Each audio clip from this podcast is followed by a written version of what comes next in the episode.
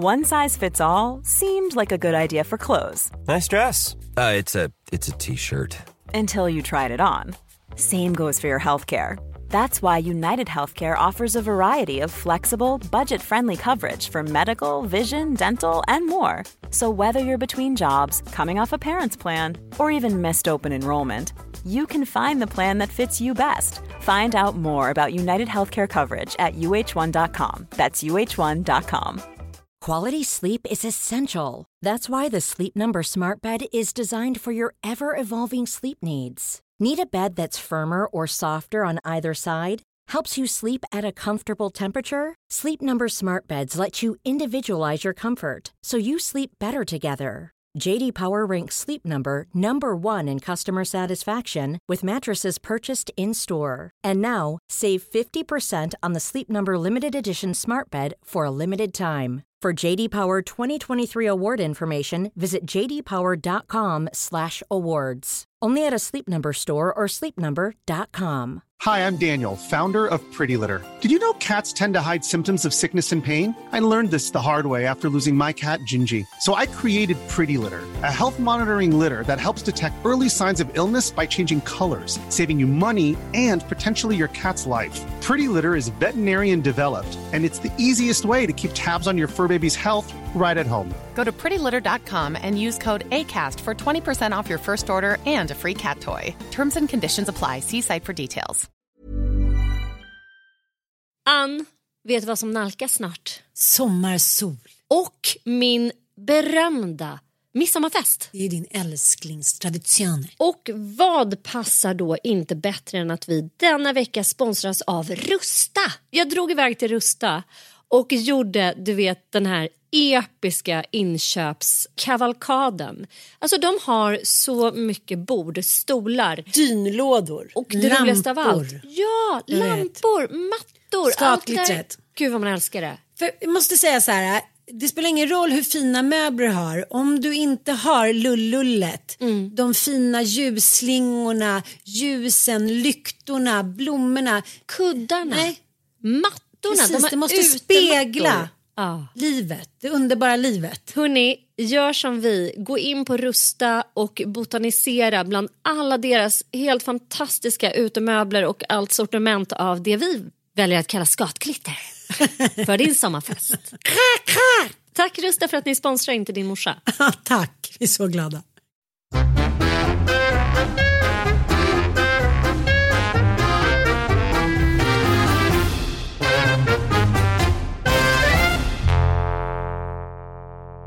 Varmt välkomna till podden Inte din morsa. Vad händer? Ja, vad händer? Konstigt väder också. Det är höst. Valet konstigt, Annie Lööf Vad känner avgått. du? Va? Har hon avgått nu? Va? Jag står här idag för att jag har ett besked att ge. Jag kommer att avgå som Centerpartiets partiledare. Den resa som för mig började den 23 september 2011, för 11 år sedan alltså, kommer snart slut. Gud, det här har jag missat. Det här är liksom dagens nyhet. Jag kände på mig, alltså det är klart alla gjorde. Men eh, nej, men dels hennes säkerhet, alla hennes hot som hon får utstå. Mm. Nej, hon tyckte också så här, men jag vill ge chansen till efterträdaren och liksom komma in nu. Ja, men under Få sitta en hel eh, mandatperiod ja, till nästa val. Ja, Det var väl klokt egentligen, men samtidigt sorgligt tycker jag. Men, men jag tycker också att det är intressant. Liksom, att det, jag har aldrig hört någon svensk manlig politiker som har blivit mordhotad på det här sättet som hon har blivit. Det, det, har det säkert, jo, Palme i och för sig, men, men om man säger senaste ska säga 20 åren då. Mm. Otroligt obehagligt, särskilt när man har små barn också. Ja, fruktansvärt. Det är så obehagligt tycker jag att vi, eh, om man tittar på liksom det samhälle som är nu, om man jämför med när vi var barn. Alltså mordet på Palme tog ju på något sätt oskulden av oss alla. Det var vissa liksom, våldsuttryck som var fullständigt oacceptabla och du skulle som politiker kunna resa med Stockholms tunnelbana utan att ha en Säpo-vakt med dig. Liksom. Och det politiska landskapet existerar ju liksom inte längre. Och att hat och hot både mot enskilda politiker är liksom så normaliserat och vi har inte lyckats komma åt det. Och det har att göra med internetets liksom födelse också. Det är fritt fram att liksom trolla, uttrycka sig hatiskt. Att, eh, jag kommer inte ihåg vem det var men jag för mig att det var så Alexander Bard eller någon som satt i någon debatt och sa så här, det är ingenting att ta på allvar, vad fan hur folk uttrycker sig, det är känslosvallningar och så vidare. Liksom. Men jag träffade precis en eh, fotograf som har jobbat eh, i massor med olika tidningar men liksom har bevakat krig och hon, och hon sa det att, liksom, att bli utsatt för hot om våld Alltså inte faktiskt våld men bara hot om mm. våld upprepade gånger skapar ju PTSD. Mm. Och det kommer att tysta vem fan som helst. Mm. Så det är ju en jävligt effektiv metod. Ja. Och det är det som är så sorgligt att så här, till slut så orkar man faktiskt inte längre. Man orkar inte stå upp för sina åsikter hur mm. länge som helst. Utan du kommer då att börja gömma dig och kliva ner från den här öppna talarstolen. Och bara så här, jag, vill, jag vill faktiskt bara ha lugn och ro. Jag orkar inte få hat och hot riktat mot mig. Och det kan jag säga var en starkt bidragande orsak till att jag slutade bedriva liksom, opinionsjournalistik. Jag var mm. krönikör i Aftonbladet och ombads ju skriva krönikor i, i massor med olika sammanhang och tidningar och både Amelia och Bonnier tidskrifter och så här. kan inte du tycka något om det här? Tyck, tyck, tyck, tyck. Mm. Jag slutade tycka för att jag orkar jag orkade inte mer där. Alltså, när man får eh, våldtäktshot eller liksom att ens barn ska våldtas. Där känner jag att nej det räcker nu, orkar inte. Men jag undrar vad, vad jag har skrivit för mesiga texter när jag var krönikör på Aftonbladet. jag har aldrig fått något litet hot. Nej men du har aldrig givit in i att kritisera olika politiska strömningar. Du nej. skriver ju väldigt så här, vardagsnära texter och det beror ju helt på hur man riktar sin penna. Eh, faktiskt. Men det verkar Tyvärr. också som att vissa kvinnor får mer skit än andra. Läs Linda Skugge, eh, alltså kvinnor som kanske inte faller in i så här, nu vill jag vara behaga mannen-normen. Nej men väldigt mycket så. Men ja. det är också så här, jag, jag, kan urskilja tre, å andra sidan har jag fått extremt mycket hat från kvinnor också. När jag skrev i mamma, bara min blogg väckte ju liksom, du har väl också fått så här, både SOS-anmälningar, det är så här illvilliga kvinnor som tycker att man lever för bra som ska då försöka hitta liksom mm. olika fel på en. Mm. Det är en form av klassisk mobbing och härskarteknik som eh, liksom drabbar människor som visar upp sig eller förhäver sig. Liksom, mm. Det stör ju människorna helt fruktansvärt. Nej, Lex Camilla nivå. Läckberg. Liksom, ja. att, så här, du ska inte tro att du är något. Du är en usel mamma i alla fall. Mm. Liksom så. Du kanske tjänar stålar. Ja, men du är en usel du kanske skriver böcker men du är en jävligt dålig morsa. Så mm. eh, det är för att de vet var det tar de här trollen. Ja precis. Mm. Men jag kan säga att i eh, Sen så handlar det ju då om att rikta sin kritik mot eh, islamister, där kunde man få liksom en del hot. Men sen så här, alla typer av extrema rörelser som bygger väldigt mycket på att göra skillnad på människor. Den typen av grupper ska man akta sig för att kritisera. För då kommer du direkt eh, bli eh, utsatt för hot om våld. Mm. Så är det bara. Oavsett vilken extrem grupp det är. Det kan vara liksom en extrem kristen grupp. Det kan vara en extrem eh, islamistisk grupp eller det kan vara en extremt högerpolitisk grupp. Det väcker då liksom någon slags krigsanda eller våldsanda hos de här grupperna. Obehagligt. Mm. Gud, ändå sugen på att äta upp det här krigsskådespelet av fisk. Krigssushin. Nej men krigssashimi. Tänker du mycket så här, vänta lite jag måste bara ta en till. Mm, mm, mm. Men jag tänker så här, när vi var små då följde ju i alla fall min mamma mycket mer säsongerna på mat till exempel. Mm. När det skördades, eller inte för att hon skördade, men när det fanns vitkål och när det fanns det så gjorde hon mat av det. Liksom. Vilket jag tycker inte alls att man gör på samma sätt. Men har du några olika, om man inte tänker på mat och så beteenden, har du några olika liksom humörkänslobeteende för olika årstider. För vissa är så här, åh, älskar hösten. Och så försöker jag säga, varför älskar hösten? Krispig luft. Jag bara, that ain't enough for me. Så I have to give me. Att människor ibland drar till med så här floskler. Så här, älskar hösten så krispigt. Får sätta på mig typ stövlar. bara, Jaha, det kan du väl ha ändå. Alltså så här, känner du så här, gud vad härligt, nu är hösten här. Ja men jag, jag är ju en höstälskare. Och jag, jag tror Vad att jag, är en höstälskare? Ja, men en, för det första så älskar jag ju att eh, vara med mina djur. Ja. Och sommaren med hästar är helt värdelös. Jaha. Det kanske man inte tror, men det är det. För det är så jävla mycket broms och mygg. Och det är jättevarmt. Det går inte att rida när det är så här 30 grader varmt. Alltså, och hästarna orkar ju inte så galoppera i fullt solsken. Och sen är det så här, ah, du ska rida ner och bada med hästen. Men hur ofta gör man det? Ja. Liksom, så här, du ska ta, nej, men det, där får man inte bada med hästen. Yellowstone gör de det. Mm, det är så men här det är liksom- mm, Men det är också i Yellowstone, det är liksom Colorado, sommaren i Åre typ. Det är ju svalt och Mm, skönt. Men det är jävligt mycket knott, insekter, mygg. Nej det är inte alls härligt. Den här årstiden, alltså september, absolut härligaste att rida.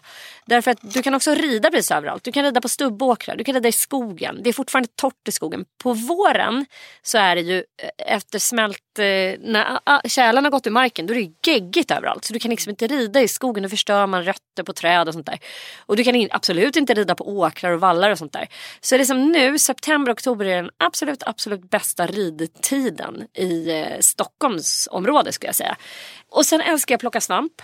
Och jag älskar också att säga, nej barnen tar inte mig i anspråk på samma sätt. Hela den här långa sommarlovet, jättemysigt. Men vad fan, du är ju någon, du är liksom någon slags matmora. Eh, du ska hålla på och liksom förse de här barnen hela tiden med. Så det känns som att jag har fått eh, min tankeförmåga tillbaka. Att jag så här får lite tänka färdiga tankar, långa eh, svepande tankebanor. alltså hej hjärnan, typ. Eller? Ja, nej, Förstår du vad jag jag, menar? Jo, men jag tänkte, jag, eh, i år så kände jag så här, nej men nu kan sommaren, jag bara tyckte sommaren var så härlig i år. Rent liksom, vad ska jag säga, vi var i Grekland i och för sig, det är klart att det är härliga vindar där och hit. Men jag, eh, jag ville att den skulle vara längre. Jag liksom brukar inte reflektera, jag brukar mer vara så här, ah, men nu kommer den, nu kommer den. Men den här, i år så kände jag så här, Ja, det kanske är för att jag... Eh, men, man vet inte riktigt vad som ska hända under hösten. Vad händer nu? Jag tycker det är lättare om man har något jättestort projekt till exempel. Ja. Som man, så här, eh, ja, men, när man har liksom längre tv-projekt eller man liksom vet att man ska skriva. Jag har i och för sig ett skrivprojekt. Men när det finns någonting fysiskt att ta på. Ja, nej, men intressant i alla fall. Annars då? Men det, vet du, det känns så länge sedan vi poddade. Och jag bara, men gud det känns alltså, det är så märkligt tycker jag. Att, eh, men det är ofta så när det händer stora omvälvande, som det här valet är liksom en stor omvälvande händelse. Och då känns det som att det har, liksom, tiden har stått stilla lite grann. Som att, så här, det är en månad sedan vi satt här, eh, vilket det ju absolut inte är. Nej, det är det inte. Nej, vi var ju faktiskt här förra veckan. Jag tänkte Men är vi var väl här förra veckan. Ja, det var vi. det är Eh, sant. Men eh, jag var med om en väldigt så här, stark upplevelse under veckan. Min mammas kusin har gått bort. Han hette Bruce Ems och han hade en musikaffär i Göteborg. Kom som... han från USA? Nej, han kom från... Eh... Trollhättan? Nej det gjorde han inte. Han kom, hans mamma var ju då syster med min mormor. Och min mo- mormors syster Magda Ja. eh, åkte till London som barnflicka. Och du kan ju tänka det här var ju på 20-talet eller 30-talet i alla fall. Hon var ju född 1906 eller något sånt där. 1925, 1930 angjorde hon London och åkte dit med båt och eh, var barnflicka där. Eller det hette ju guvernant. Och där träffade hon en engelsman. Eh, But Jack. Ems. But of course. Ja, of course. Och, och, och, fick tre söner då med honom och det blev min mammas eh, kusiner. Bruce, Robin och Peter och de här tre kusinerna kom ju då varje sommar till Sverige och hälsade på. Och då fick mamma liksom stifta bekantskap med så här, brittisk popmusik, Beatles, alltså så här, de kom ju med liksom allt som det, det goa Storbritannien hade att erbjuda. Då fick man gifta sig med sin kusin också. Nej, det gjorde hon gudskelov inte.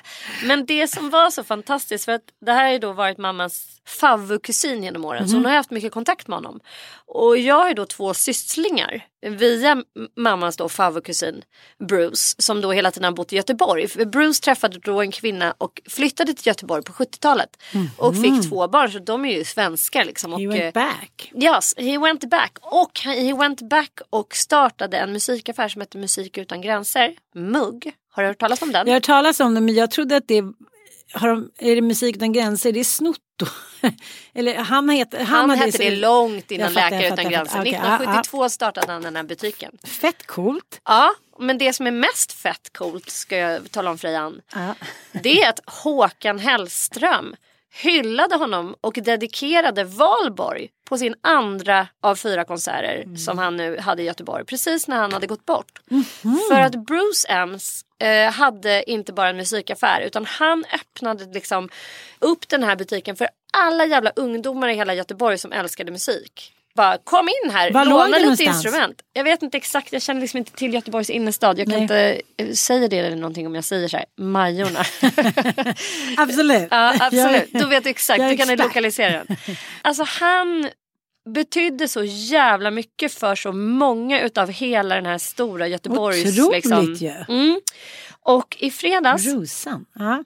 så hölls det då en hyllningskonsert för Bruce Ems på Pusterviks teatern som är liksom en musikscen i Göteborg. Så ganska liten och så jävligt så här, lite småskabbig men supercharmig. Okej. Och mina sysslingar så här, skickade liksom en inbjudan. Jag har ju knappt träffat dem. Eh, och de är liksom lite yngre än jag. Och jag bara, äh, fan det är klart att jag ska åka dit. Det hade min mamma velat. Wow, hur länge sedan var du träffade honom då? Nej men jag har ju träffat Bruce liksom några gånger under min barndom. Men jag menar, eh, och så här, de var på mammas begravning förstås och så. Ah, ja, okej. Men, Men det här var ju liksom en hyllningskonsert. Han, dog i eh, bukspottkörtelcancer. Jag visste ingenting. Vem, vem ska dyka upp på den här hyllningskonserten? Men det var liksom, nej men på riktigt. Så här, Soundtrack of our lives eh, så återförenades och körde på den här lilla scenen. Sara Klang, alltså du vet det var så mycket musiker som bara vallfärdade dit för att liksom bara spela, eh, för att hylla honom. Och berättade liksom det mest jävla gulliga och fantastiska berättelser om denna liksom osjälviska, helt vanliga människa som har liksom betytt allt för deras framtida musicerande. Karl Einar Häckner liksom bara eh, kom dit och körde en liten trollakt och bara stod och grät och berättade liksom så här, ja, men jag, från att jag var liten så bara eh, gick jag in där och bara drack kaffe med dem och han kom på varenda föreställning jag hade. Wow, Bruce. Bruce. Ja men alltså Bruce, be a fucking Bruce. Du vet jag kom därifrån jag bara kände så här. För det första, hur en vanlig människa som inte har några så här, han hade inget jävla kapital som kunde intressera eh, liksom, i den, denna kapitalistiska värld. Det enda han hade det var liksom bara fri tillgång på kärlek, pepp och bara så här, den goda viljan att hjälpa andra att eh, få musicera. Vad Alltså- cirkulärt, det gick liksom vidare. Det, det, Ja. Vinsten gick in i liksom Ja, ungdomarna. och liksom Send it forward, var det inte en film som hette jo, det? Liksom? jo, jo. Att eh, fy fan vad det ger effekt. Mm. Om man ger av sitt hjärta så kommer det tillbaka. Nej men du vet jag grät så mycket på den här konserten för att jag bara kände också att så här, det här är allt som vi människor behöver just nu. Och så, så lite som vi står för för Ja, tillfället. ja, så lite Mm. som vi står för för tillfället. Att man så här helt osjälviskt bara så här, det är klart att jag ska komma och så här, spela på en hyllningskonsert för gamle Bruce. Alltså Mm, det finns ingen så här, förstår du, det finns ingen egen vinning skulle att jag ska visa mig i det här sammanhanget för det kan det ge mig lite nya följare eller jag ska Mm, visa mig i det här sammanhanget för att då framstår jag som god. Utan så här, det enda som fanns var en sån jävla genuin kärlek, en sån jävla genuin eh, vilja att hylla den här människan som har betytt så jävla mycket för så jävla många. Och jag kände så starkt när jag gick därifrån att så här, jag måste bli mer en sån människa. Send it forward. Ja! Och jag kände också en sån stark så här, fuck vad jag hade önskat att min mammas begravning hade blivit mer en sån här hyllningskonsert. Att liksom inte ägna sig åt kanske så mycket så här, sorgen över den här förlusten utan mer liksom hyllningen av den här människans enorma avtryck på jordklotet. Eh, och därför kände jag också så här, du och jag som har haft föräldrar som har varit komplicerade. Alltså vi har haft relationer till våra föräldrar som har varit, och vi har också sörjt liksom dem innan de ens dog. för att liksom inte kanske riktigt fick det vi hade behövt när vi var barn. Men samtidigt kände jag också så starkt att så här, jag skulle liksom vilja höra dig hylla din pappa mer. Ja. För jag vet ju att din pappa har gjort precis lika mycket avtryck Mm. eh, som han hade gjort. Säkerligen. Det var ju också, det tycker jag var, eh, liksom, det var såklart att det var jättehärligt. Vi hade ju ingen regelrätt begravning för pappa utan vi var ju på en herrgård, Julita herrgård i Katrineholm. Så fint där. Ja, det är så fint och vi liksom käkade hans favoritmat. Eller det var i och för sig korvasluringar råa. Men, men, eh, ja, men han älskade ju eh, smörgåstårta. Jag älskar också smörgåstårta. Men fan gör inte Nej, men det. så- så- det, är så- det är lite äckelgott faktiskt. Ja men jag säger så här, vem älskar inte en snygg jävla smörgåstårta? Du vet jag går där på ICA i Bromma och jag ser den där smörgåstårtabiten. Jag är så här, kan jag köpa en typ med heder? Vad är det som gör att man upplever ändå smörgåstårtan som lite liksom skabbig? Men jag vet inte, det Är det lite Clara Olofsson-stämpel att det, så här, ja, det ligger på ICA liksom för half Inplastad. price enligt en inplast. Ja. Oh, oh. Jag vet inte, det är så här något gammel Sverige och lite Kisskalsongen. Jag vet inte, men samtidigt så här vackert liksom skapade smörgåstårtor. Det är ju konstverk. Mm. Små laxluringar som är rosor och liksom. jag tycker det är så gott. Men jag bara hade velat liksom vara med de här människorna liksom i en vecka och höra alla dessa fantastiska historier. För att det är så här, man sitter så är man ledsen och jag sa någonting och hans pappa sa någonting och sen så Ja men du vet, kommer de fram och sätter sig några minuter och så tycker de så här, inte ska bli jag ta din tid i anspråk, nu är det någon annan som vill prata. Jag, jag fick liksom bara små smulor och jag vet ju min pappa var ju en väldigt liksom, social och underhållande person och han är ju lite som jag fast kanske tusen gånger värre att är han någons, liksom, åker han på någon resa eller gör någonting så händer det alltid massa oförklarliga grejer som liksom ändå tar med jämna ro lite grann. Så det blir liksom, jag tror att det är det där som är så svårt att liksom, få människor att leva vidare idag med allt detta brus. Sen nu har jag gjort så att nu har jag eh, tagit fram massa gamla bilder på mamma och pappa och farmor och lite så här. Så ska jag göra en liten fotovägg, kanske inte på liksom direkt när man kommer in i hallen. Men att de varje dag när de ska gå, gå ner till exempel, ja men Ilon bor ju där nere, men, men att den finns på någon vägg. För det, det finns inget finare än att titta på gamla bilder och känna sig jag tillhör någonting. Man pratar ju ofta i anhörig och medberoende, och i många sammanhang KASAM. Alltså hur viktigt det är för människor att få liksom till... Kassam är ju känsla av sammanhang, alltså det är ju Precis. förkortning. Att känslan av att tillhöra ett sammanhang och det tror jag nästan är det viktigaste av allt. Att när man inte gör det, jag tänker på alla de ensamkommande barnen. Som är så här, de kommer från någonting som var deras sammanhang. Alltså, jag kan inte ens liksom föreställa mig, jag känner mig ganska tuff, jag tycker jag var ganska tuff som liten. Men i många av de kontexter som dagens ungdomar liksom slungas in i så känner jag så här, jag hade liksom inte klarat en tusendel. Och går så fyller jag oss en 20 år och det kändes ju också märkligt att liksom han är inte tonåring längre. Han är liksom, Nu ska han vara en vuxen karl. Nu är han 20 bast. Liksom. Så hade vi en liten middag på kvällen och då var Jenny och Fredrik där och Fredrik är uppväxt i Bromma. Så sa jag så ah, men eh, vilka, vilka skolor gick du i? Han bara, men jag gick i alla. Först gick jag liksom i den, sen gick jag i Ås, sen gick jag i Smedslätten, sen gick jag och sen gick jag i Bromma gymnasium. Och jag bara, va? Och då gick du även i Bromma gymnasium? Han bara, men vadå, du gick ju Farsta gymnasium. Man- Man gick ju på det gymnasiumet Så man där bodde, nära ja. ja. Om man nu kom in. Sen var ju inte det helt säkert. Liksom. Nej. För all, man var ju ändå tvungen att söka. Mm. Men eh, hur enkelt det ändå var på sitt sätt om man inte liksom så här, jag vill bli skådis eller som Frida, jag vill, så här, jag vill gå Balettakademin och sådär. Men att det är så mycket som så tidigt. Ska definiera oss som människor. Ja. Ja, Ja, men jag håller med dig men jag tycker också att så här, den här hyllningsgrejen fick mig också fundera så jävla mycket över. Det var också så här i dysfunktionella familjer då som jag ju själv liksom kommer ifrån så blir det också ofta eh, det, det uppstår så mycket sorg och så mycket sårigheter så att man liksom gärna vill ta avstånd från sitt sammanhang. Ja, alltså jag ja. klarar inte av att vara där. Nej. Mm. Eh, du är för alkoholiserad, jag klarar inte av att leva kring den här self, eller self-destructive liksom personalities. Big baby Bob. Big baby Bob. Så här. Alltså jag tar avstånd. För att, det, för att Eh, det är skönt, för att jag orkar Nej, inte jag orkar inte. Och, och då är det också väldigt lätt att så här, nej, jag vill inte påminnas Ja. om de där. Jag Mm. orkar inte identifieras med de där. Jag vill inte sitta ihop med de där. Mm. Det fick mig också fundera över att så här, jag har blivit ganska mycket fostrad i att inte få vara stolt över mina eh, föräldrar och förfäder att det har varit väldigt stort fokus på tillkortakommanden, mm. det där sjuka aset.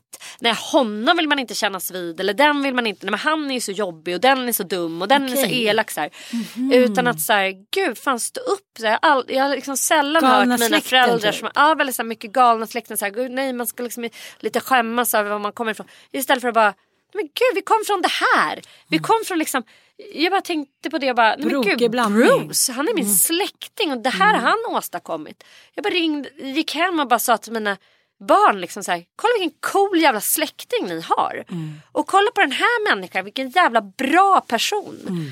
Jag tänker på min mamma, så här, vad gjorde hon? Så här, men gud, hon gjorde så jävla stort avtryck i så många människors liv. Det var också en stor del när hon dog som jag, jag men, har liksom brottats med att här, inte låta hennes liv överskuggas av hennes psykiska ohälsa som ju också tog hennes liv. Liksom. Och så fort man nämner suicid så är det som att man typ inte då kan se någonting mm, mm annat. Mm, För det är så här, åh, det var den där självmörderskan. Mm. Vilket ju är så djupt missvisande för att min mamma var ju liksom också en utav de första, liksom, i alla fall min bekantskapskrets, som gömde flyktingar. Mm. När hon själv var inlagd på Långbro sjukhus så hamnade hon på en avdelning med andra då patienter som också hade försökt begå suicid. Och många utav dem var ju asylsökande som kom från krigshärjade områden. Bland annat, jag vill inte nämna några namn för jag är inte säker på att de vill liksom eh, att jag gör det. Men bland annat en kvinna som kom från Nigeria som hade sett hela sin familj bli slaktade med machetes. Och som också, nej hon kom från Liberia och hon hade själv såklart blivit extremt utsatt för grovt sexuellt våld. Och hon hade kommit till Sverige som asylsökande och eh, försökt begå självmord flertalet gånger på det asylboende där hon var. Så hon blev inlagd tillsammans med mamma så fort hon blev utskriven så eh, började ju då den här processen att hon skulle utvisas. Och hon pratade varken svenska eller kunde liksom förstå hur hon skulle ta sig ur det här. Hon var liksom extremt drabbad av posttraumatisk stress. Och var liksom i det svagaste av samhälleliga positioner att kunna föra sin egen talan. Vilket ledde till att hon blev utvisad. För hon kunde inte bevisa att det fanns en hotbild mot henne. Och eh, då gömde mamma henne under ett halvår. Och kämpade så jävla hårt för att hon skulle få asyl här. Och ah. lyckades. Med hjälp av vänner i jag vet inte exakt hur det här gick till. Men det var liksom en process som tog min mammas all energi. Och en annan kvinna som kom från Bulgarien. Hon var, tillhörde en muslimsk minoritet i Bulgarien. Och eh, sökte också asyl i Sverige och försökte också begå självmord.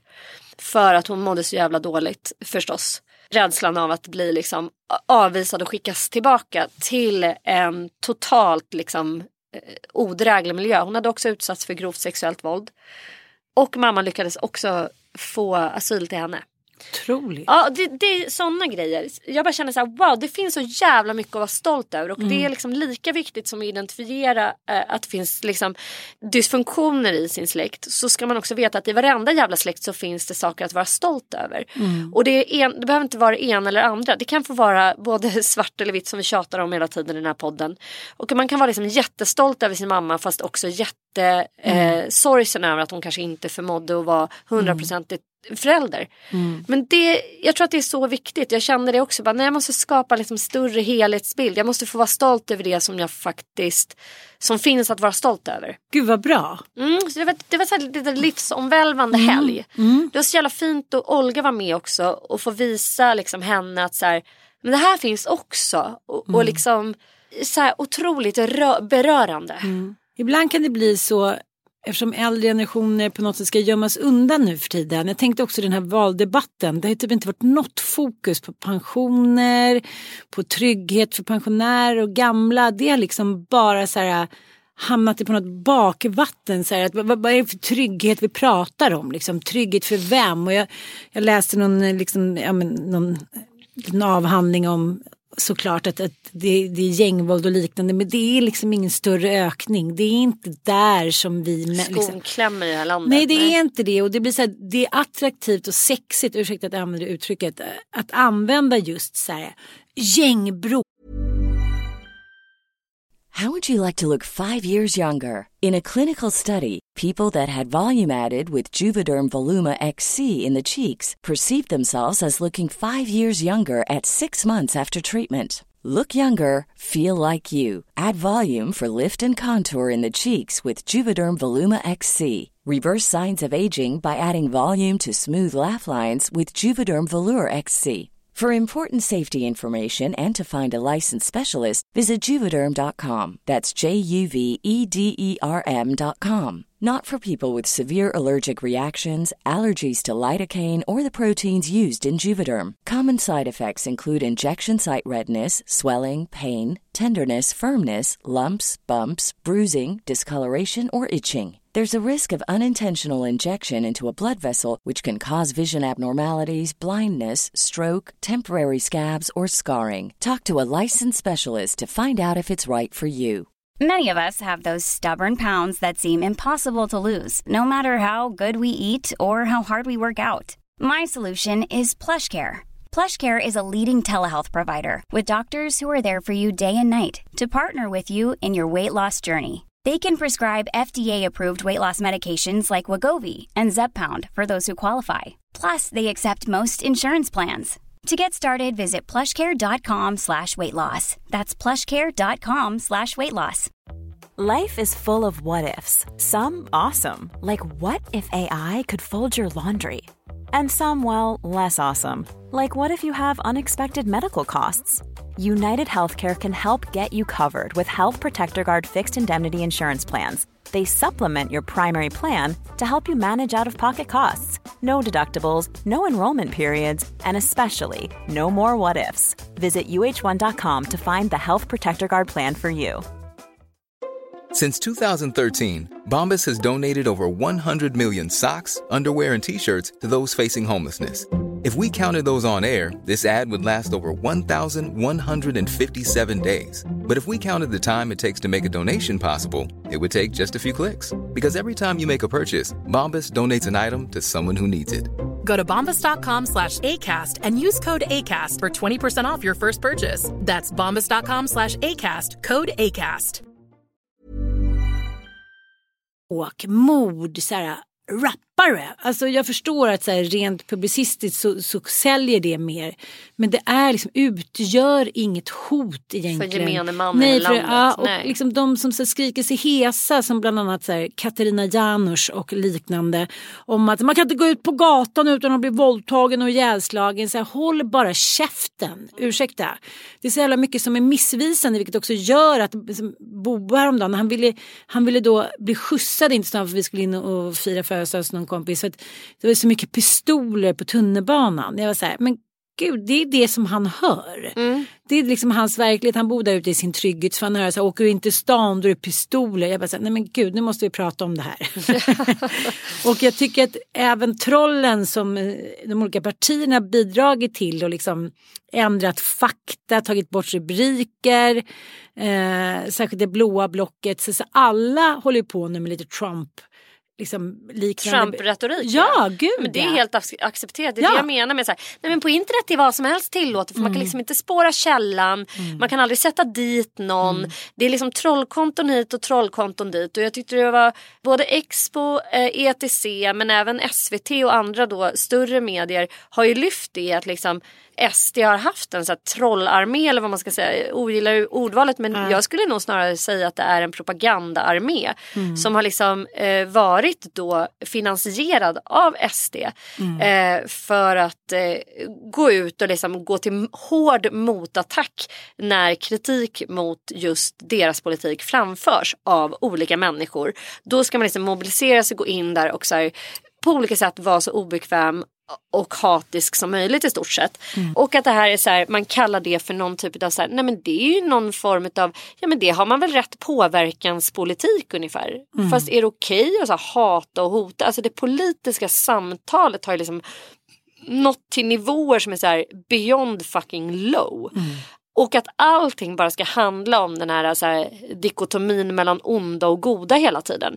Eh, jag tyckte Anna Björklund skrev en bra text i eh, Aftonbladet och hon skrev också så här. Jag förbehåller mig rätten att inte rösta överhuvudtaget. Jag måste få stå utanför det här sammanhanget och titta på det eh, utifrån. Och sen så skrev hon en text om att så här, vad fan har vi blivit för liksom bortskämda as. Mm. Vi har det så sjukt bra i det här landet. Mm. Och liksom det rasar ett krig ute i Europa. Men vi ska så här, sitta och gnälla om några jävla dieselpriser som gör att vi alla måste sänka vår väldigt höga levnadsstandard. Mm. Lite, lite grann. Mm. Så här, vad, kom igen nu, vi kan väl bättre. Så här, och då, vi vill hela tiden ha det liksom lite, lite bättre. Mm. Lite, lite bättre. Mm. Man kan aldrig tänka Ingen sig... Ingen vill offra någonting till... överhuvudtaget. Nej, nej. Och de bor faktiskt på ställen där det är svårt för dem att ta sig med tåg. Nej, det går att ta sig med tåg och liksom olika sorters bussar över hela Sverige. Så det är inte, jag tycker inte att det är en mänsklig rättighet att få ha en fet bil. Nej. Nej.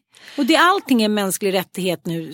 Och det är det som jag också tycker också med det här med Man ska med gärna få ha två bilar, man ska få ja. köra i den bilen och det är liksom någon slags allmän rättighet mm. och det är mm. så liksom så här, nej men kanske, vi kanske måste börja få göra liksom avkall mm. på vår bekvämlighetsstandard. Och det, vi pratar liksom väldigt lite avkall för att Extremt väldigt många människor ska få det mm. lite lite bättre. Mm. Berätta om det är din mamma. Jag tänker att jag tänker att jag själv också gör det i mångt och mycket, att man tar den enkla vägen ut. Mm. Att själv må dåligt och jobba för någon annan så här, dygnet runt i ett halvår för att visa solidaritet och mm. liksom mänsklig respekt det kostar på. Det är jobbigare än att bara tänka på sig själv och ta en selfie och lägga sig och liksom med någon ansiktsmask i sin hästens säng. Nej, men, och jag tänker också så här, det som slog mig liksom för att jag började fundera över mammas begravning och just att så här, ja, nej men det fanns liksom element av hyllning för det var just de två kvinnorna som hon hade hjälpt Alltså du vet deras så här, de kontaktade oss och var liksom bara så här, förstår ni att de, hon, hon räddade vårt liv? Förstår ni vilken otrolig jävla människa hon var? Mm, mm. Eh, och vi bara, eh, för, för, det var också så absurt att mamma gjorde ju det här hon alltså, hade ju legat inne tillsammans med dem. Alltså, hon mådde mm. ju pissdåligt ja. själv. Mm. Hon liksom hade precis kommit ur en, en väldigt djup depression med liksom upprepade suicidförsök. Ett år, liksom, hennes liksom, sämsta år i livet med så här, skilsmässa. Vi hade flyttat till pappa. Nej, men det, i, I sitt djupaste mörker så känner hon att så här, om, om jag ska liksom kunna... På något sätt tror jag hon bara fick en sån jävla sån ett sånt uppvaknande av liksom vart man som människa hamnar när man mår som allra allra sämst mm. och att det enda som kan ta en upp ur det det är andra människor. Mm. Alltså vi behöver varandra, vi behöver finnas till för de som mår som allra allra sämst och liksom vi behöver visa osjälviskhet och vi, det kommer också få oss i slutändan att må bättre. Såklart. För jag vet ju hur bra hon mådde av det där. Mm. Att, att liksom få vara den starka i förhållande till någon som är svagare, att få stå upp för någon annan människas rättigheter och sen var det så sjukt mycket dråpliga roliga grejer. För jag kommer ihåg att alltså jag och min mamma hade ett uppehåll efter hennes då suicidförsök. Jag var 14 år. Jag kände att jag orkar inte leva kring det där mörkret. Så jag träffade inte henne på två år. Men sen började vi umgås igen när jag var 16. Då hade hon ju ägnat två år åt att liksom rädda livet bokstavligen på de här kvinnorna. Och hon hade ju då hon hade ju väldigt stor inblandning i deras liv så hon höll på att övningsköra med en av de här kvinnornas män. Så att vi var ju ute och övningskörde med honom. Och det var liksom de mest hårresande galna saker som hände. Och liksom hel, eh, det öppnade också upp vår värld inför liksom helt andra så här, kulturella element. Vilket ju var så fantastiskt jävla mm. roligt. Apropå att så här, mångkulturalism, ska den få finnas eller ska den mm. inte få finnas? Mm. Liksom att så här, herregud vad tråkig värld vi kommer få leva i om alla mm. ska vara eh, liksom exakt likadana. V vad är det för samhälle vi får då på något sätt? Det berikade allas vårt liv så jävla mycket och det jag har inte tänkt på det där på så länge men jag, jag känner det starkt att framåt från det här året och det jag går in i den här hösten med apropå liksom hösten som någon slags nystart för det tycker jag nästan är mer än nyår mm, alltså. Mm, mm. Nej jag ska fan i mig kämpa. Jag, alltså jag vill jag vill finnas där för människor som verkligen på riktigt mår dåligt. Kom igen, jag betalar gärna några extra kronor både i elräkning och i dieselpris eller vad fan det nu än är som krävs. Om vi alla kan vara lite mer som Bruce eller min mamma Mm. Eller din pappa som ändå bidrog med sin, liksom, sitt stora varma hjärta Mm. och sin stora liksom, famn och nyfikenhet på andra människor. Bara liksom gå ut där och gör det. Mm. Vi tänker ut någonting bra vi ska göra tycker jag. Verkligen. Vi har två saker att snabbt klara av innan vi ska sluta. Dels är det ju att jag har köpt en katt. Du skämtar med mig. Och dels är det ju den fortsatta, förlåt men jag säger skådespeleriet, med Janni och John. Johnny och John. Nej men vad är grejen? Berätta nu, Nej men mig. nu är våra följare. Mm. De eh, skickar uppdateringar till mig om Janni och Johns fortsatta liksom, eh, liv och leverne efter då Deras de har, ja, Mm. efter de har bestämt då att de ska skilja sig.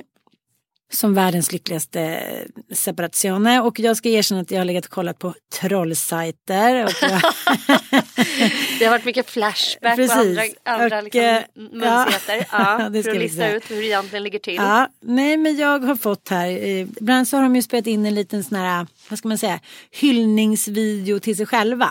Either way, this was really cool. Totally thumbs up from us. And we will see you guys tomorrow. Ciao! Good morning! Morning! We thought it was time for house tour number two, and now that we're here. Som de har lagt ut på sin vlogg då, eh, där de visar bilder och händelser och filmer ur sitt liv som lyckliga gifta. Men jag tänker så här, som en memorial. Och eh, jag tänker det kanske man gör. Ska man inte ha lite avstånd till det? Det är som så här, någon ligger och pippar, så här, min man ligger och pippar med en ny kvän, kvinna och jag var så här, jag älskar honom, han var världens bästa exman. Alltså det bara fortsätter att vara så shady. Ja, det, jag tyckte bara att det var så roligt att, så här, att de la ut en så här, hopklippt video om sitt lyckliga liv. De, bara, som en sammanfattning av Ja. deras stora, stora ly- lycka som de har erfarit med varandra. precis. Alltså, nej men det är ju också ändå någonting som är fascinerande med vår tid att alla kan skapa sin egen berättelse. Alltså berättelsen Mm. om mig. Och det är ju på ett sätt så här demokratiskt och ganska härligt. Att så här, Mm. jag vill fan äga min egen separation. Och den, eh, jag skiter i hur det egentligen gick till eller om han var en otroget svin. Men jag vill liksom, så här vill jag eh, visa upp mig utåt. Liksom. Eh, jag vill inte visa den osminkade sanningen. Men är det så att du och jag som Sveriges mest medberoende människor vi tror inte på det här för att vi liksom blir medberoende till en mask. Alltså, nej, men, nej men jag tänker så här, det kanske är så att liksom den här generationen kvinnor och män Ja, även om någon kanske behandlar dem lite hitan och ditan eller så är det så här, men vadå, jag lever inte efter de där normativa liksom gamla förpliktelserna. Så, ja, hen var otrogen eller hen träffade någon annan. Men vi har, vi har haft en fin tid ihop och vi har lite business och de här två barnen som vi älskar. Let's move on motherfuckers. Alltså jag, jag, jag börjar bli förvirrad. Jag tror att jag värjer mig mot det därför att så här, eller jag värjer mig inte mot det men jag tycker det är intressant som fenomen. Men jag tänker mig att Janni och John de har ju framförallt använt sina sociala kanaler till att skapa en perfekt yta. Det är deras inkomst. Ja, det är deras inkomst och det är det jag menar. Så man ska nog kanske göra skillnad på liksom vi som, och det, det här tror inte jag att, så att säga, folk kanske reflekterar så jävla mycket över. Men så fort man börjar liksom vara transparent med sin psykiska ohälsa för mycket. Prata liksom om så här, eh, skit i garderoben som finns. Liksom, då blir man mindre attraktiv för liksom, marknaden. Därför att marknaden vill mark- eh, marknadsföra sina produkter med liksom klanderfria, vackra, Absolut. Snygga, smala varit. människor Mm. i vackra miljöer. Punkt slut. Så ju fulare bilder du tar och ju mer transparent du är med hur skitigt livet också Mm, kan vara desto mindre attraktiv blir du för annonsörer. Mm. Och det är väl den stora, de vill liksom inte så här, han var ett jävla otroget svin som knarkade asmycket. Nej men då åker väl deras bilsponsorer och alltihopa. Mm, Alltså De, nu, nu pratar vi inte exakt om just det här paret, men de kanske liksom, de vet att så här, det går inte. De måste tvätta vare sig de vill eller inte. Absolut. Ja. Men De måste liksom, ja. Ska de behålla sina inkomster, ska de fortsätta göra pengar på sina då varumärken som består i vackra bilder på ett perfekt liv i perfekta miljöer och två perfekta barn också. Mm. Två perfekta kroppar Ja, och utseende. och en perfekt relation. Eh, liksom Barbie-livet helt Då är det enkelt. svårt om skiten kommer fram, kryper fram. Ja, det Mm, blir inte mm. lika attraktivt då. Nej. För någon som vill liksom marknadsföra ett lakan. Så du menar säng. då att även om, om det har varit så och liksom alla fattar det så spelar inte det någon roll för det syns inte. I, liksom bläcket har liksom, det har suddats ut. Det är ingenting. För jag tänker en av våra största skådespelerskor i Sverige som har haft eh, otroligt mycket problem med, med liksom psykisk ohälsa och hoppat av projekt hit och dit och aldrig sagt ett ord om det. Mm. Och hon är liksom, henne är ingen som har någonsin tittat ner på eller pratat om utan det är några få utvalda som vet liksom det. Och jag fattar det.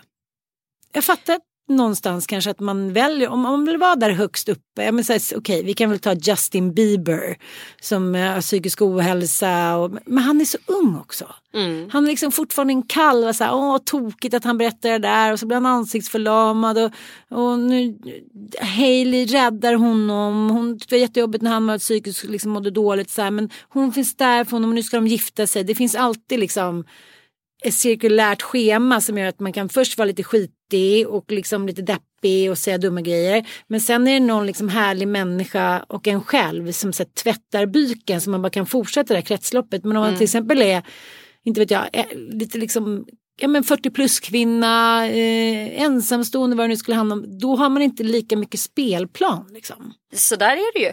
Alltså det är bara liksom så här, så fort money talks eh, så måste man liksom vara varsam med. Hålla eh, käften. Ja, hålla käften och eh, kötta på. Det, jag jag eh, tänker ändå att man får respektera det. Alltså så här, det är Ja. många kvinnliga influencers som verkligen livnär sig på, på sitt eh, influerarskap. Liksom.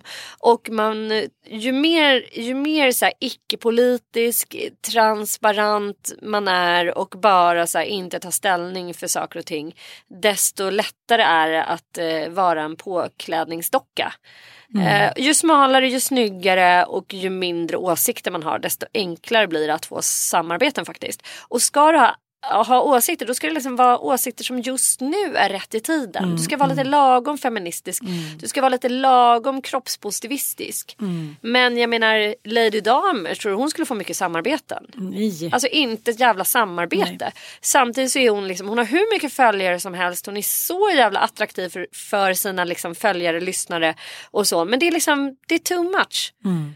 Tror jag. Jag vet, jag kan inte svära på det. Lady Damer, du, du, du kanske lyssnar på oss och du kanske kan eh, Berätta, liksom, det kanske berätta. det så kanske inte alls är. Det kanske är jättemånga som vill samarbeta med dig. Det är klart att det finns många mindre företag som kanske absolut vill bygga sina varumärken tillsammans med profiler som är modiga och som har vissa typer av politiska eh, ståndpunkter och som vill vara tydliga liksom, i sitt sociala entreprenörskap och sådär. Men ska man casha in ordentligt då gäller det nog att vara så Mm. Felfri, och barbelik som möjligt. Felfri. Och det brukar ju du ofta prata om privat. Du och jag är, är ju tyvärr inte så jävla felfria. Nej jag vet. Och det kan ju vi ibland prata om så här, ja men kanske beror det på det där med sponsoring eller bla bla bla. Jag fattar att man, jag fattar att man inte och heller vill liksom berätta om alla känslor, det man liksom råkar ut för och hur man mår, man lägger på psyket och fram och tillbaka. Men samtidigt ska det, liksom, ska det framställas som att vi lever i en öppen värld. Där fler och fler människor berättar om sin psykiska ohälsa. Men vad är det de berättar då? Förstår du lite vad jag menar? Det, måste alltid finnas en framgångssaga. Ja. Alltså du berättar alltid om din berätta. psykiska ohälsa liksom efter att det har gått ett tag och att du har kommit till rätta med den Mm. och så här ska man göra. För då ska du typ lansera någon liten bok om hur, Precis, hur alla du måste ha ryckt upp dig. Ja. Du måste ha ryckt upp dig innan du berättar om Mm. hur dåligt du har mått. till exempel. Det går ju inte för sig att bara hej jag är aktiv alkoholist. Jag eh, söp ner mig här. igår. Mm, hjälp mig. Men det, det finns ju inte liksom. Eh, det skulle i så fall vara det närmsta vi har kommit det. Det är ju sorry allt gick åt helvete. Att Ola Rapace faktiskt inte är liksom eh, färdigbehandlad eller vad man ska säga. Han är typ mitt i en process och det är det jag tror gör den podden så otroligt stark Mm. och så otroligt spännande för de är liksom mitt uppe i en process får man vara med om processen. Mm. Men jag tänker att den är väldigt svår att sponsra för vem vill liksom säga nej men jag känner för att typ alltså just nu finns det en enorm så beröringsskräck med Ola Rapace eh, liksom av massor med olika skäl. Så att jag, absolut, jag tror Mm. att folk är liksom, man är lite rädd för att göra sig obekväm. Ja. Vilket är synd för jag säger bara så här, ju mer transparent, ju mer tydlig man vågar vara, desto roligare och mer intressantare blir det ju, tycker jag. Ja, men det blir också ett samhälle där man också på något sätt kan eh, så här, mäta saker på ett annat sätt. Om människor är transparenta med sitt mående eller vad det nu handlar om, då kan man ju också se vad som får människor att må bättre och varför det har blivit så att så här, ja men lite så som det var, en, en kompis med hennes mamma var bipolär, eh, liksom fick sin diagnos bara för några år sedan har då varit, och nu är hon typ 60 så hon har liksom varit bipolär hela livet. Och det sättet man liksom handskades med det på det var att när hon fick sina skov då ringde de in sin polare som var läkare som liksom fick så här bensa ner henne typ så här, ge henne liksom massa tabletter så att hon blev en liksom grönsak i typ tre veckor. Och sen så tinade de upp henne och då var hon fortfarande en grönsak. Men sen fick hon liksom återhämta sig. Det här hände ju kanske någon gång per år. Och sen var liksom lite så här ut igen, ja, men så som det har varit liksom i överklassen hela tiden. Man åker iväg utomlands och går på rehab. Man tar sina barn utomlands, ingen märker någonting. Så, så här, men vi var i Thailand några veckor där, tjoflöjt nu är vi tillbaka. Det skapar ju liksom en läskig värld som absolut är allt annat än icke-transparent. Liksom. Ja verkligen men vi ska också förstå att det har funnits, alltså det har varit förenat med jävligt stora risker för människor att vara öppna och transparenta med både fysisk, psykisk ohälsa. Om du till exempel, det här har vi pratat om förut, är öppen med din bipolära diagnos. Det blir väldigt svårt att få en livförsäkring då. Är du öppen med att du har en beroende eh, sjukdom så är det jättemånga, både liksom sponsorer, framtida arbetsgivare som börjar ifrågasätta, är det här eh, en person som jag verkligen har lust att liksom anställa och ansvara för? Liksom. Det finns fortfarande så mycket fördomar och så mycket eh, liksom, kontroll mot de här grupperna som har utövats i generationer. Så jag fattar verkligen att folk är så här, nej det har ingen med att göra. Och eh, att man i, i liksom överklassmiljöer inte har velat liksom att staten ska kunna registrera dig som typ psykiskt sjuk. Att det ska ligga i dina rulor. Att du ska, att du ska liksom stämplas som ja, men psykiskt sjuk och galen for the rest of your life. Förr i tiden var det på riktigt äktenskapsförbud på människor som var manodepressiva som det hette då. Att du inte fick gifta dig. Eh, alltså du skulle inte få fortplanta dig. Eh, för det var ju liksom en förutsättning. Du, du skulle helst inte skaffa barn utan att vara gift. Nej, nej. Och det är klart att många människor då lärde sig att dölja sitt, sitt liksom psykiska mående och, och så. Eh, och jag kan också förstå att man i dagens läge när vi nu lever i ett samhälle som jag i alla fall upplever i kommentarsfälten har normaliserat hat, hot. Alltså det här är ju frekvent förekommande hos ungdomar. Liksom det är så man mobbas idag. Att liksom inte lajka någons TikToks-video. Att inte liksom lajka någons Instagram-inlägg. Eh, det är liksom så jävla mycket lättare att få någon att känna sig värdelös.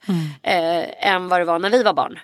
Och eh, det gör också att folk är väldigt ängsliga på ett helt annat sätt. Gud ja. Alltså såhär, nej jag skulle inte våga visa den där bilden på mig själv. Eller jag skulle inte våga ha de där brallorna på mig. För tänk om någon skulle ta en bild på mig och då ligger den kvar. Och så ska man oroa sig hela tiden om hur man framstår inför andra liksom.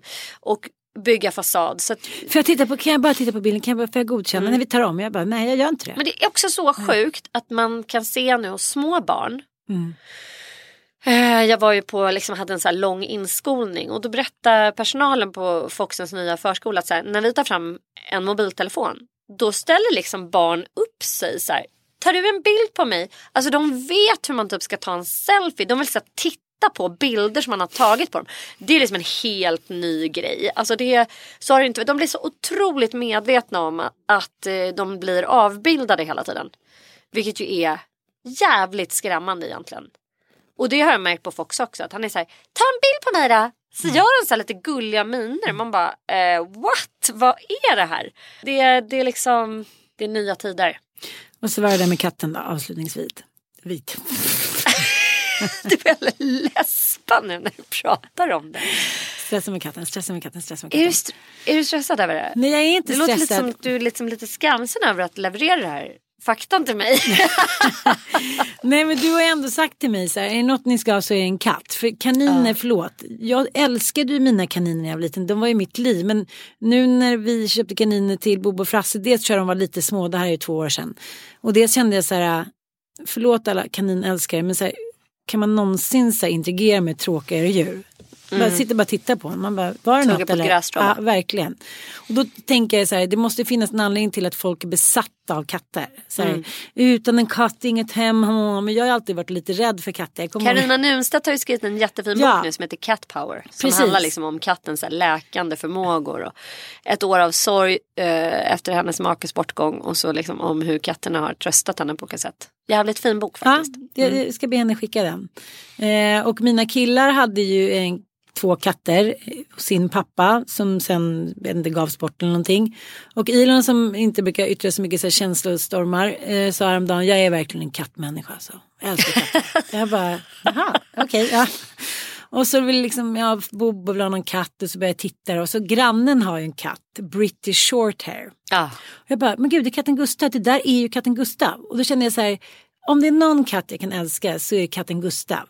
Mm. Och så kollade jag vad det var och sen så kollade, hittade jag lite och sen åkte vi till Vårby och eh, eh, för även short hair ser ju så såklart olika ut men det här var ju en sån klassisk Gustav typ. Man såg inte klorna för det var så, här, så Ja. mycket pälsrama, stora såna här runda ögon och så en liten tjockis. Så att nu har vi lagt handpenning på bullen. Nej. Och då direkt så här, okej gör inte typ, för att eh, du måste kattvakt, gör inte, jättemånga är liksom allergiska, gör inte, ingen byter katter, gör inte. Jag bara så här, jag ska göra det, jag ska bli kattkvinna. så att ja, om, om, om fem veckor om allt går som det ska så föder vi ut bullen. Då kommer bullen. Då kommer bullen. Förgrå- Såg du inte honom? Jo. Nej men det går ju inte. Han måste vara med oss. Och jag tänker vi, nu är killarna så stora så vi kommer inte åka på alla resor tillsammans heller. De får väl stanna hemma och ta hand om bullen. Alltid någon som måste vara hemma ja. Ja. Ja men det är väl inte heller så svårt att låna ut sitt hus till någon som är såhär, kan inte ni bo hos oss Nej. i vår härliga trädgård och Precis. liksom vara kattvakter. Kan- Det finns väl alltid någon utav Ossians kompisar eller Ja. Ilons polare som vill vara där. Eller, alltså herregud, nej men nej, jag har ju själv en katt, Pennywise. Jag som ringde till heter. dig först. Ja, Ja. och jag har ett Pennywise barn också, vitnos. Men han är mer liksom utanför hemmet. Han är någon slags eh, halvvild liksom. Det här är mina stallkatter. Ja, men är Pennywise, får hon, vara in, hon får inte vara inne eller i huset? Jo, får får hon, men hon vill inte det. Hon bor Nej. i stallet. Alltså vi bestämde ju oss för att så här, för det, stallet ligger liksom 200 meter från hemmet. Och hon har ju då valt liksom att ha stallet som sin revir. Och jag menar jag är i stallet hela tiden och det är folk i stallet hela tiden. Så hon bor där och sen har ju vi sparat hennes då son Vitnos. Men han är liksom väldigt mycket ute och är liksom även nere då hos grannar och så, så här smygäter på deras altaner och sånt. Så att han liksom lever som något liksom liv Outlaw. spice. Ja men jag har varit så här, ska jag omplacera honom? För att katter är ju, alltså de är inte flockdjur. De är, de är liksom enmansdjur. Och det är klart att olika raser kan liksom ha lättare att eh, komma samman så att säga. Typ siameser, man får inte köpa en siames om man inte har, köper två. Får man inte? Nej, de är jättestrikta och och orientaler är också sådär att de ska vara två. Men eh, så här vanliga bondkatter som jag har, de är liksom så här, de, de, de vill inte ha varandras sällskap. Hon bara fräser när, när, hennes son kommer i närheten. Bara stick härifrån, det här är Så. Popsy och Bullen kanske inte blir bästisar? Kanske de inte blir. Så skulle jag välja kvinna eller man och då kände jag så här, nej, ingen mer mens nu i mitt liv. Det fick bli en sjätte son. Bullen. Men älskling, ingen mer mens. Men hon, eh, du hade ju kunnat sterilisera den. Du kommer ju kastrera bullen också. De blir Ja. könlösa katter. Ja, jag fattar. Hur man än gör. Men jag, jag gick det. bara på känsla. som en god mor på utseendet. I vanlig anda. Bullen, vi väntar på dig. Puss puss. puss.